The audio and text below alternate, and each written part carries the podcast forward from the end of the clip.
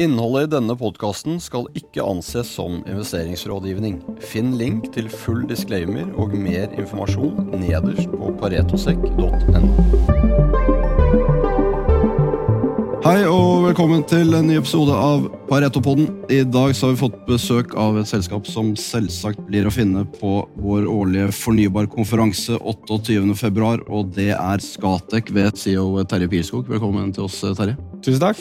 Hyggelig å være her. Veldig hyggelig at du kunne ta deg tid. Skatek er jo et uh, selskap som har en markedsverdi nå på 11 milliarder kroner, og som de fleste som uh, hører på denne podkasten nok uh, helt sikkert kjenner til. Det har jo vært veldig mye snakk om kraftsituasjonen i, i, den vestlige verden det siste året, og vi har fått pakker med IRA i USA og Repower EU som vi snakket litt om i eh, podkasten med Bård og Lars Ove forleden. Dere er jo i fremvoksende markeder, eh, Terje.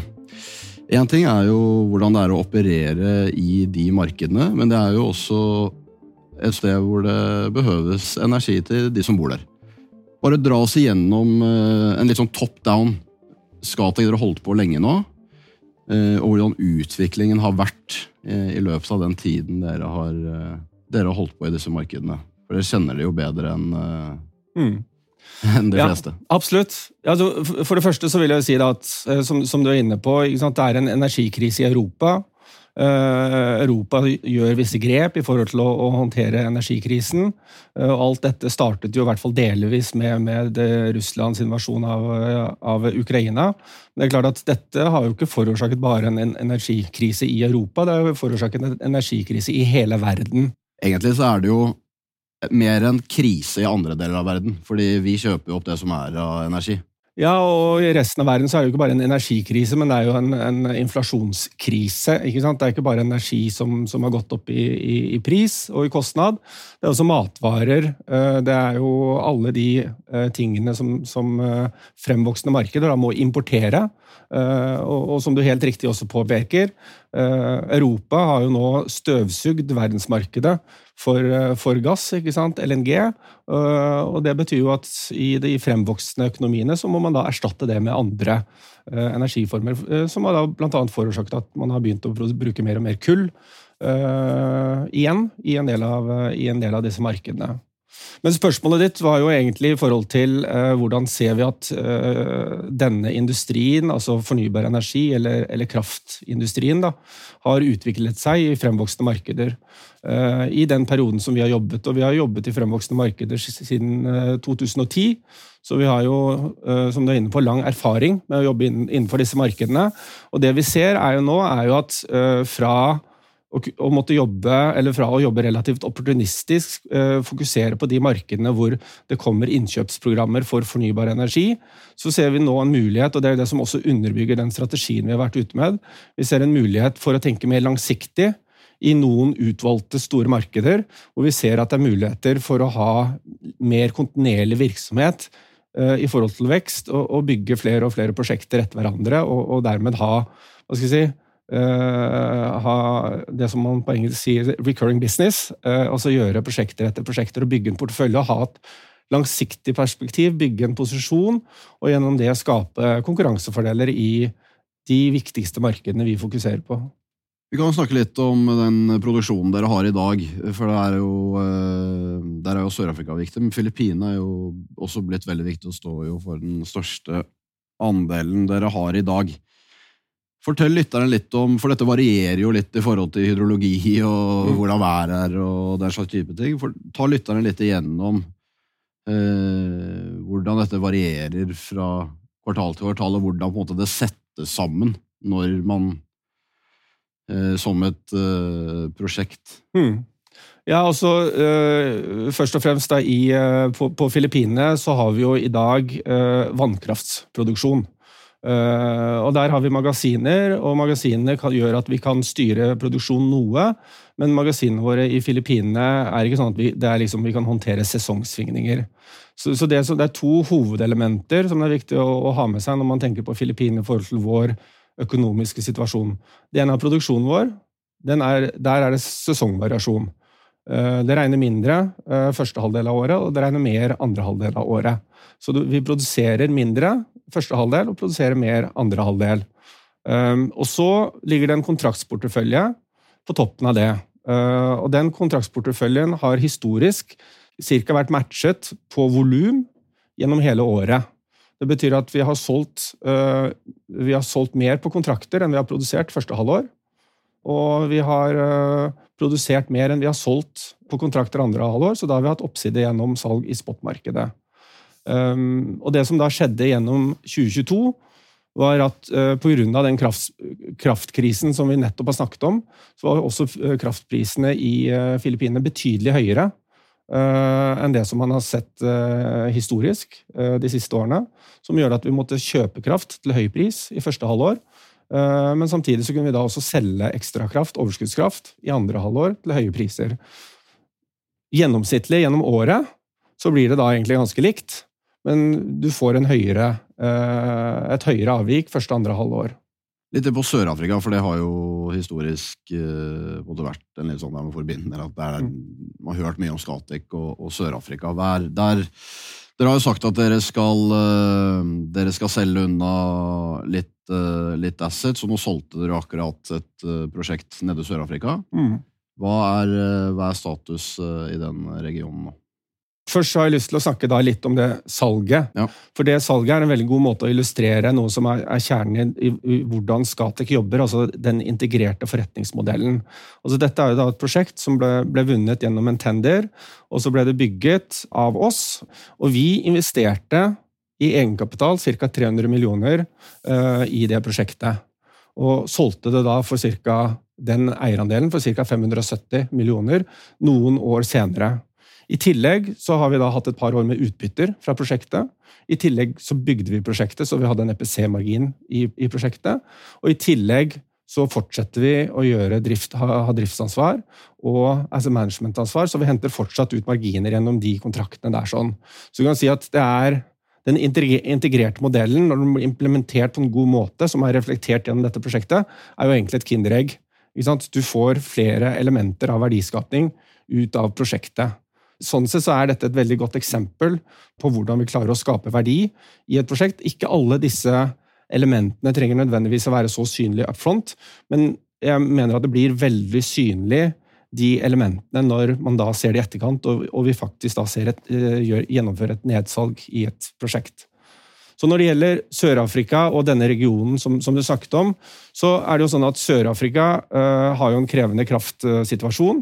De har uh, rolling blackouts um, på, på, daglig basis, og har selv indikert at for å matche det, den etterspørselen de har på strøm over de neste årene, så trenger de å bygge ut 50-60 gigawatt med ny fornybar energi over de neste syv-åtte årene.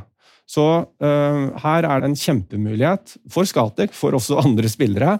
Uh, men det er klart at vi har vært i, i Sør-Afrika siden 2010, så vi har bygget opp en organisasjon, vi har en forståelse av markedet, og vi har en, en, en, en ganske stor pipeline som har da blitt utviklet for, for å være godt posisjonert til å ta noen av de mulighetene som kommer. Og så vil jeg også gjerne si én ting til når det gjelder Sør-Afrika. og Det, er, eh, det, det, det knyttes tilbake til altså en av våre verdier som selskap og det er å være changemaker. Um, I Sør-Afrika så bygger vi nå et av de største, om ikke det største, hybridanlegget, altså kobling mellom sol og batterier, uh, i hele verden, tror jeg. Altså det er et prosjekt som har over 500 megawatt med, med kapasitet på, på solsiden, altså på, på PV-siden, og som har da 1100 megawatt-timer med lagringskapasitet. For Det har vi jo vært en del inne på i et par andre podkaster. Det har vært mye fokus på det, og det investeres jo enormt i batteri. fordi det er jo litt der, altså Vi snakker om baseeffekt, og ja, ja. det er jo litt derfor disse prisene svinger så voldsomt. Men ja, lagringen av mm. sol og vind, der eh, forventes det jo at det skal skje enormt mye de neste årene. og også Derfor det investeres såpass mye batteri. men... Uh... Ja, det er riktig. Det skal skje mye. Og, eh, og eh, vi ser jo store muligheter i, i våre markeder også knyttet, knyttet, til å koble batterier inn mot produksjonssystemer. Altså vi, som sagt, altså vi gjør det i, i Sør-Afrika. I Sør-Afrika så er det forventet senere i år at det skal komme en ren lagringstender på mer enn 1,5 gigawatt. Vi ser det i India hvor det i økende grad blir det de kaller round the clock tenders, altså hvor du må kunne levere strøm døgnet rundt. Hvor du da vil bygge prosjekter med en kombinasjon av sol, vind og batterier for å matche det kravet. Eh, I, eh, I, Filippinene, eh, sammen med vår partner Aboitis, så driver vi nå og bygger ut et 20 megawatts batteri. Og det er for å kunne levere ancillary services, altså stabiliseringstjenester for nettet. Så vi ser i veldig stor grad i alle våre markeder, eller de fleste av våre markeder i hvert fall, at dette med lagring og kombinasjon lagring med produksjon av, fornybar strøm, det kommer i økende, økende grad. Og dette har jo med at Kostnaden for fornybar strøm den kommer ned.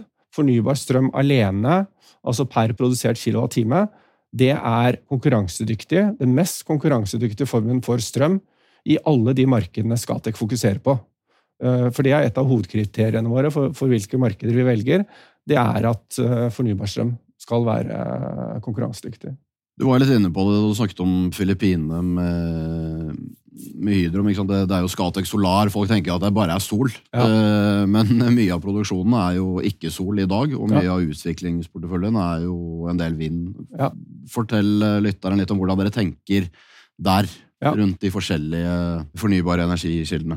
Ja, Um, det går litt igjen tilbake til uh, hvilke markeder vi fokuserer på, hva som er kjernemarkedene som vi har identifisert videre fremover.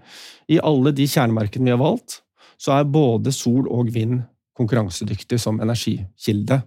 Uh, og Det betyr at uh, det å bygge ut en portefølje med, både sol og vind gjør at vi uh, totalt sett kan ha en, portefølje med kraftproduksjon som, som, er mer konkurransedyktig. Vi får flere muligheter i det enkelte markedet. og slik som vi ser det, så er det vel så mye markedskompetansen prosjektutviklings- og struktureringskompetansen, finansieringskompetansen, som er viktig for å lykkes i et, i et, marked, like mye som den teknologiske kompetansen. Så det å legge på en teknologi til, det uh, ut ifra et, et skalaperspektiv, det er veldig fornuftig det, i de markedene hvor vi jobber. Uh, I forhold til hvor dere opererer og hvilke land man skal prioritere osv. Dere er jo som du sa, det er rolling blackouts i Sør-Afrika, og vi var litt inne på det. Altså Pakistan får ikke LNG lenger fordi Tyskland kjøper opp alt. Så det er viktig fra myndighetenes ståsted så er det viktig å levere stabil, uh, stabil elektrisitet til, mm. til, innbyggerne i sitt eget land. Samtidig så har man jo sett f.eks. i Honduras nå, så plutselig kommer det litt endringer på PPA. Hvordan ser du på den rammeverket, da, om vi skal mm. kalle det det? For dere er jo en viktig partner til de landene dere opererer i. Ja. Derfor er du avhengig av et samarbeid ja. fra begge sider. Mm. Ja, øh, og dette går litt tilbake til hvordan vi tenker videre fremover. Vi ønsker å fokusere på markeder øh, som er hva skal vi si, de, de større fremvoksende markedene. Øh, men hvor det er en tydelig hvor, hvor For det første, kraftsektoren allerede har en viss størrelse. Hvor vi ser at det er forventet en betydelig vekst videre fremover. Eh, hvor fornybar energi er konkurransedyktig, som vi har snakket om, og hvor vi har en posisjon hvor vi kan bygge skala, hvor vi kan forstå det markedet. Eh, og Da er det riktig som du sier, det er viktig for oss å sitte tett på myndighetene og forstå hvordan myndighetene tenker. Dette er jo eh, i mange tilfeller på en måte et partnerskap, men samtidig så er det også ideen vår å, å jobbe i de økonomiene som er av en viss størrelse. Også fra det perspektivet er eh, stabile økonomier. Eh, og derfor eh, vil vi også se at vi, når vi har kommunisert strategien vår, vi snakker om at vi skal bli mer fokuserte. Vi skal over tid fokusere også porteføljen vår og, og konsolidere og, og, selge oss ut fra de mindre posisjonene som vi har, for å sørge for at vi, vi, vi har fokus på de, de mer robuste markedene. Og så skal det jo samtidig sies at til tross for at ja, det kommer opp sånne ting som, som, som i Honduras, da, hvor, hvor, myndighetene rasler litt med sablene og ønsker å, ønsker å gjøre noen ting. Eh, vi har aldri opplevd eh, at vi får en retroaktiv endring som ikke har vært basert på en forhandlet løsning, og, og hvor vi kommer eh, bra ut av det. Sånn at totalt sett så har vi stått oss veldig godt, basert på de kontraktene vi har signert, og basert på de garantiene vi har fått fra myndigheter, pluss eventuelle ekstragarantier fra Verdensbanken og andre i de, i de, mest krevende landene vi er i. Det skjer jo litt ting på rammeverket i lokale markeder òg, i Norge og sånn, ja, f.eks. Ja. det er veldig bra. Dere hadde jo konstruksjonsstart på, på, på en del ting i fjor. Sør-Afrika, Brasil, Pakistan. Det har jo vært alle har jo fått med seg at det er kostnadsinflasjon, det er forsinkelser i alle mulige leverandørledd osv.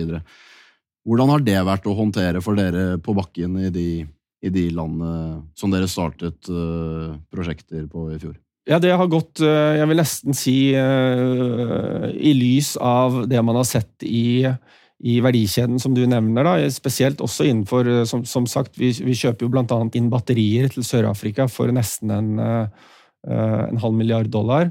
Så, så, i lys av hva som har skjedd i verdikjeden og hvordan, hvordan den har vært, så vil jeg jo si at det har gått overraskende smertefritt. Vi har ikke hatt noen store disruptions i forhold til leveransene til noen av disse prosjektene, eh, av de store komponentene. Og også når det gjelder byggeaktivitetene, så går de stort sett eh, fremover i henhold til plan og, og, og på budsjett. Så øh, holdt jeg på å si knock on wood.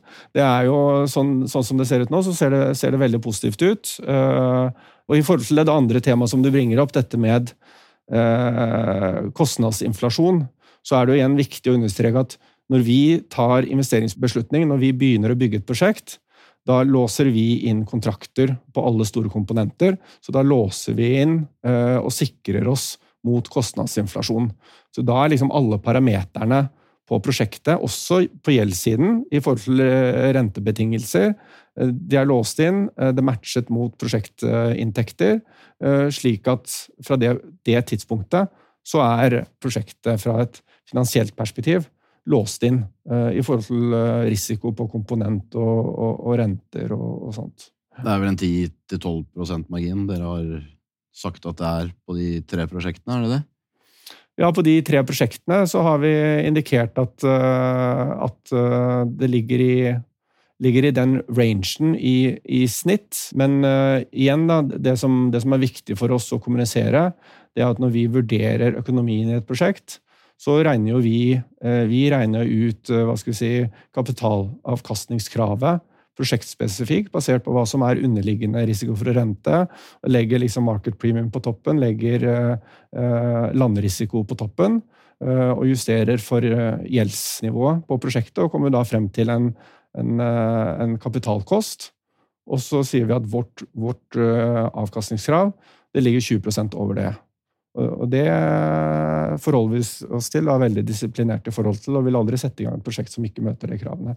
Og på toppen av det så får vi da i tillegg disse eh, marginene på, på byggekontrakten, på driftskontrakten og på asset management-kontrakten.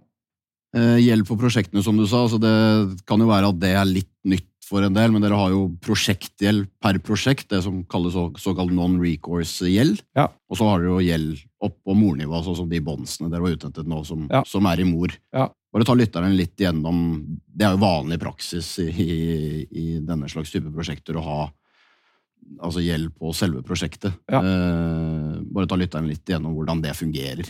For det er kanskje ikke helt klart for Nei, det er jo, det er jo selvfølgelig um, Strukturelt sett så er, så er, dette veldig viktig. Um, fordi at vi har jo da uh, det som altså man kaller det SPV-er, altså Special Purpose Vehicles. altså Vi, vi etablerer et selskap, uh, altså et aksjeselskap, uh, rundt hvert enkelt prosjekt. og i det selskapet så henter vi da inn gjeld nede på prosjektnivå. og den gjelden, den eneste sikkerheten den gjelden har, de er prosjektet. Det er til lytterne, det er jo det som er non-recourse. Det er det som er non-recourse. Så, så, de kan ikke gå oppover i strukturen uh, og, og kreve, uh, kreve, noe mer oppover i strukturen. Så Sånn sett så, så, legger man jo da på en måte et skjold, for å kalle det det, over, over, over prosjektene. Uh, som gjør at, gjør at man, man, begrenser det der nede. og det som da er viktig for Eh, de som bidrar med den gjelden nede på prosjektet, og det som gir oss ekstra. Altså jo, vi, vi, får jo på en måte da et ekstra eh, par med øyne på våre prosjekter. For de som bidrar med gjelden, de vet jo at den eneste recourse de har, det er på prosjektet. Så de må være komfortable med alle kontrakter, de må være komfortable med inntektssiden på prosjektet, hvordan vi drifter prosjektet, hvordan vi skal bygge prosjektet, eh, og hele rammeverket rundt prosjektet. For de har ikke noen andre steder å gå eh, hvis de skal eh, for, for å hente tilbake gjelden sin. Så, så, så det betyr at de gjør en skikkelig kritisk vurdering av prosjektene før de er villige til å bidra med den gjelden. Og Det er jo en, en, en god uh, trygghet for oss at vi får da et ekstra par med øyne på prosjektene våre før vi setter de, i, de i gang. Vi kan jo snakke litt om, uh, om det dere har eh, sagt for, for, året. Dere skal jo ha guidet på en produksjon på 3500-3900 gigawatt-timer.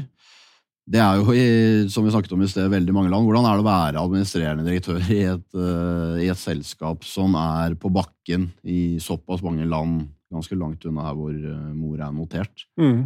Ja, det er, er, helt fantastisk. det er jo utrolig uh, Jeg må bare si det er utrolig motiverende, engasjerende å se hva vi klarer å få til rundt omkring i de landene hvor vi er. Eh, det er jo snakk om å bygge organisasjon, det er snakk om å bygge en organisasjon som har visse verdier, eh, opererer i forhold til visse standarder, eh, og, og, har også visse kvalitetskrav i, forhold til hva vi gjør. Og jeg, slutter aldri å bli imponert over med hvilken entusiasme og, og, og, hvilken energi hele organisasjonen vår går inn og, og, og, jobber hver eneste dag for å, for å, sørge for at disse anleggene produserer så godt som overhodet mulig. Og, og, det at vi i tillegg i alle anleggene våre eh, gir tilbake til nærmiljøet Altså dette har jo For det første så, så, så, så, henter vi jo ansatte fra nærmiljøene, men vi også har masse initiativer i forhold til å hjelpe med, med utviklingen i nærmiljøene i forhold til eh, helse og utdanning og, og, andre initiativer. Og det må jeg si, det, det gir veldig masse. Eh, å se hva vi får til rundt omkring. Til og med i Ukraina, som selvfølgelig er en ekstremt krevende situasjon, så er alle anleggene våre oppe og går, eh, og blir driftet på en, eh, på en god måte.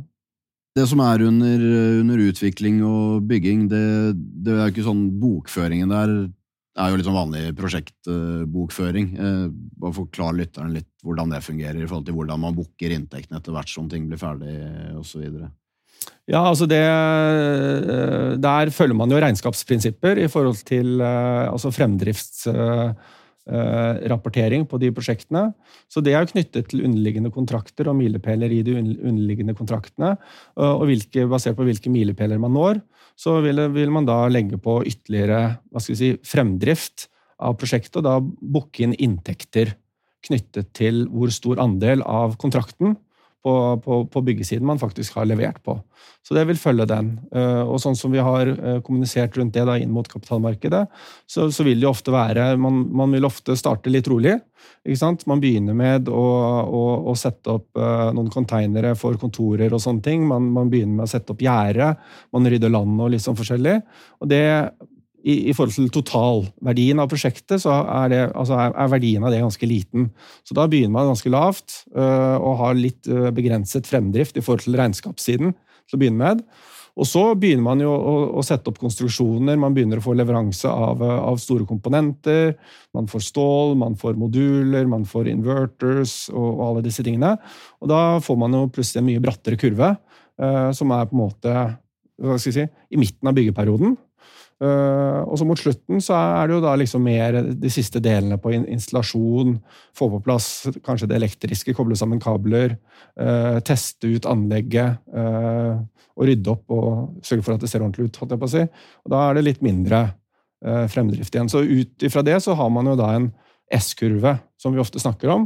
Det er litt mindre progress i begynnelsen, så er det veldig bratt midt på, og så er det litt flatere mot slutten igjen. Vi må jo uh, Ting har jo endret seg litt uh, mm. i kapitalmarkedet spesielt. Uh, du var inne på det her i sted, og du sa jo når det regner på et prosjekt, så regner det låser inn, låser inn i leverandørleddet osv. Det, er, det er økte renter i verden, det er økt capex. I tillegg så er det jo energipriser som er økende, og i tillegg så svinger de voldsomt. Hvordan påvirker dette økonomien i, i nye prosjekter? Ja, altså Her er det flere effekter som påvirker, selvfølgelig. Eh, og du var jo egentlig innom de, eh, alle sammen. Altså Det er klart at eh, komponentsiden, også Capex-siden, den har jo vært på vei oppover en stund, men nå har jo den snudd, og vi ser at bl.a. paneler og, og, og, ikke minst logistikk og en andre ting har jo kommet ned betydelig nå i begynnelsen av, begynnelsen av 2023. På den annen side, som du sier, det er ikke noe tvil om at rentene er på vei oppover. Og de skal kanskje være høye litt lenger enn en eh, noen av oss hadde tenkt at de, at de, skal være. Eh, basert på det som har skjedd den siste uken, eh, blant annet. Så det, det, det påvirker jo selvfølgelig kapitalkravet, avkastningskravet. Som, som, vi har i, i, i prosjektet. Og så er det jo på toppen av det så har man selvfølgelig energimarkedet og kraftprisene. De har også vært på vei oppover gjennom 2022 og inn i 2023. Og, og, og vi ser jo at det også reflekteres i Eh, i PPA-priser. Der hvor vi eh, er med og, deltar i, auksjoner eller i tenders, så ser vi at de prisene, PPA-prisene har også kommet opp. Det har vi sett i Sør-Afrika, vi har sett i India, vi også ser det i Brasil. Så det er klart at disse tingene beveger seg noenlunde sammen. Så vi ser fortsatt at det er, eh, gode muligheter for å sikre prosjekter med god avkastning. Og sånn sett så er det jo bare å gjenta det som vi har sagt i siste runde på kvartalspresentasjoner. Altså Vi kommer til å fortsette å være disiplinerte i forhold til avkastningskravet vårt, og kommer ikke til å sette i gang prosjekter som, som, som ikke når det avkastningskravet. Når det er sagt, i eh, våre fokusmarkeder så ser vi fortsatt veldig gode muligheter eh, for å gjøre lønnsomme og attraktive prosjekter. Vi har vært innom det i en del uh, tidligere podkaster for, for, de som har vært innom det, men det er jo, det er jo capexen som er det store her sant, på sol og vind. Altså Når det først er oppe, så driftes det jo veldig, veldig billig. Mm. Uh, derfor er det en viktig del av equation. Jeg har lyst til å snakke litt om teknologien. for Én ting er jo det som skjer på lagringen, som du sa, nevnte nede i, nede i Sør-Afrika. Men en annen ting er jo det som skjer på panelsiden og effektiviteten. Mm. Hvordan ser det ut akkurat nå? Det er jo voldsomme teknologiske fremskritt i alle deler av verden, og det blir jo viktig også for det dere holder på med.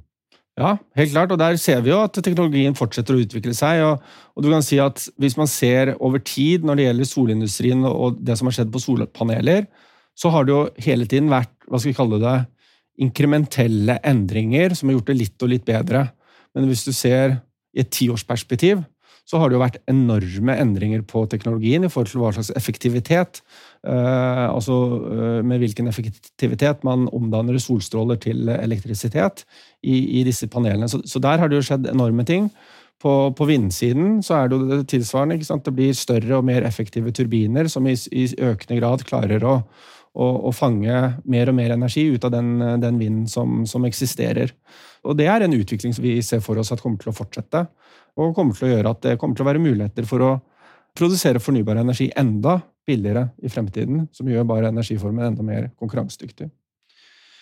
Sånn på de stedene dere er, hvordan, hvordan fungerer det? Altså, de har jo satt opp eh, alle panelene og sånn. Hvor, hvor, ofte kan man Er det komponenter, eller altså, bytter man bare platen, eller hvordan eh, Det er jo en liten operasjon, sikkert, så man kan ikke gjøre det hvert år, men Nei, I forhold til uh, på driftssiden og, vedlikeholdssiden av, av, de parkene, hvis vi da snakker innenfor Sol, som vi har, så er det jo ikke noe vi, har, vi, har, vi legger jo ikke opp til når vi bygger et anlegg, at, at vi skal skifte paneler eller, eller, skifte inverter eller noe som helst. Uh, levetiden på paneler er jo i hvert fall 30-40 år. Så det er klart at effektiviteten går noe ned over tid. Det legger vi selvfølgelig inn i våre finansielle modeller.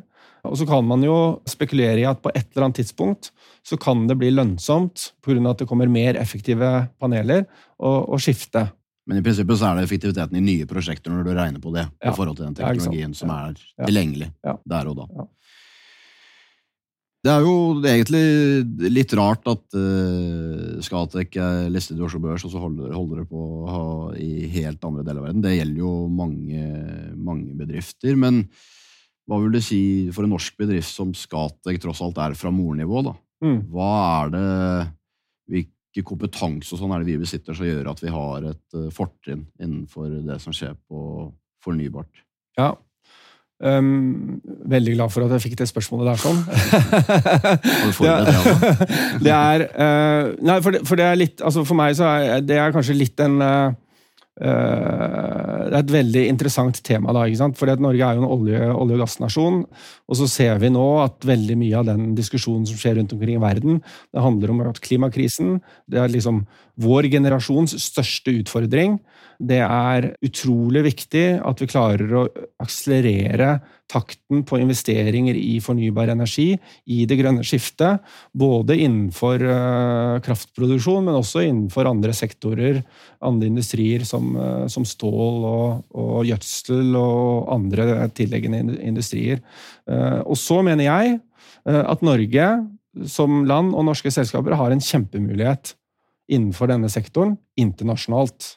Og det er fordi eh, altså vi, vi, kan selvfølgelig kraftbransjen og utvikling og, og deregulering og hvordan operere i en, i en kraftbransje veldig godt.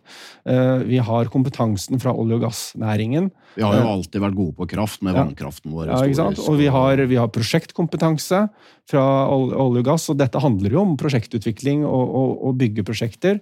Vi har masse kapital, eh, og dette er kapitalkrevende industri.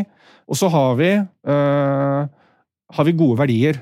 Og det er viktig i forhold til å en være en eh, ansvarlig spiller rundt omkring i verden. Og det blir satt pris på, også rundt omkring i verden. Så det er klart at Når vi kommer som norsk selskap, og så tar vi også kanskje med oss representanter fra norske myndigheter, så er vi en veldig attraktiv partner i, en, i mange av de landene som vi opererer i, og kan komme inn med våre verdier og, og, og gjøre forretning i, i, disse landene på en ansvarlig måte. Så jeg mener at uh, Norge har en kjempemulighet, og, og har også egentlig en veldig stor rolle å spille i det som skjer nå i forhold til det grønne skiftet, og, og, ta en lederposisjon som nasjon i det internasjonale grønne skiftet. Vi er jo viktig for eh, energimarkedene, ikke bare i Europa, men mm. Eh, andre steder også for tiden. Eh, jeg tror vi lar det være siste, siste ord. Det passer bra.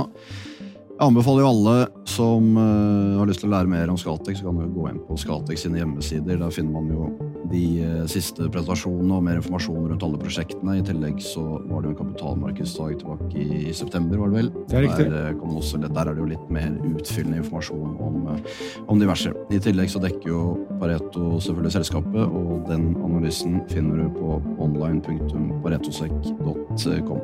Terje, hyggelig at du kunne komme hit til oss og fortelle litt lytterne våre om, eh, om hvorfor Skatec er eh, interessant, og hvilke muligheter og utfordringer også dere har for tiden. Tusen takk skal du ha. Takk for at jeg ble invitert. Vi minner om at denne podkasten ikke inneholder investerings- eller annen type rådgivning. Handel i verdipapirer medfører til enhver tid risiko, og historisk avkastning er ingen garanti for fremtidig avkastning. Pareto Securities er verken rettslig eller økonomisk ansvarlig for direkte eller indirekte tap, eller andre kostnader som måtte påløpe ved bruk av informasjon omtalt i denne podkasten. Finn link til full disclaimer og mer informasjon nederst på paretosek.no.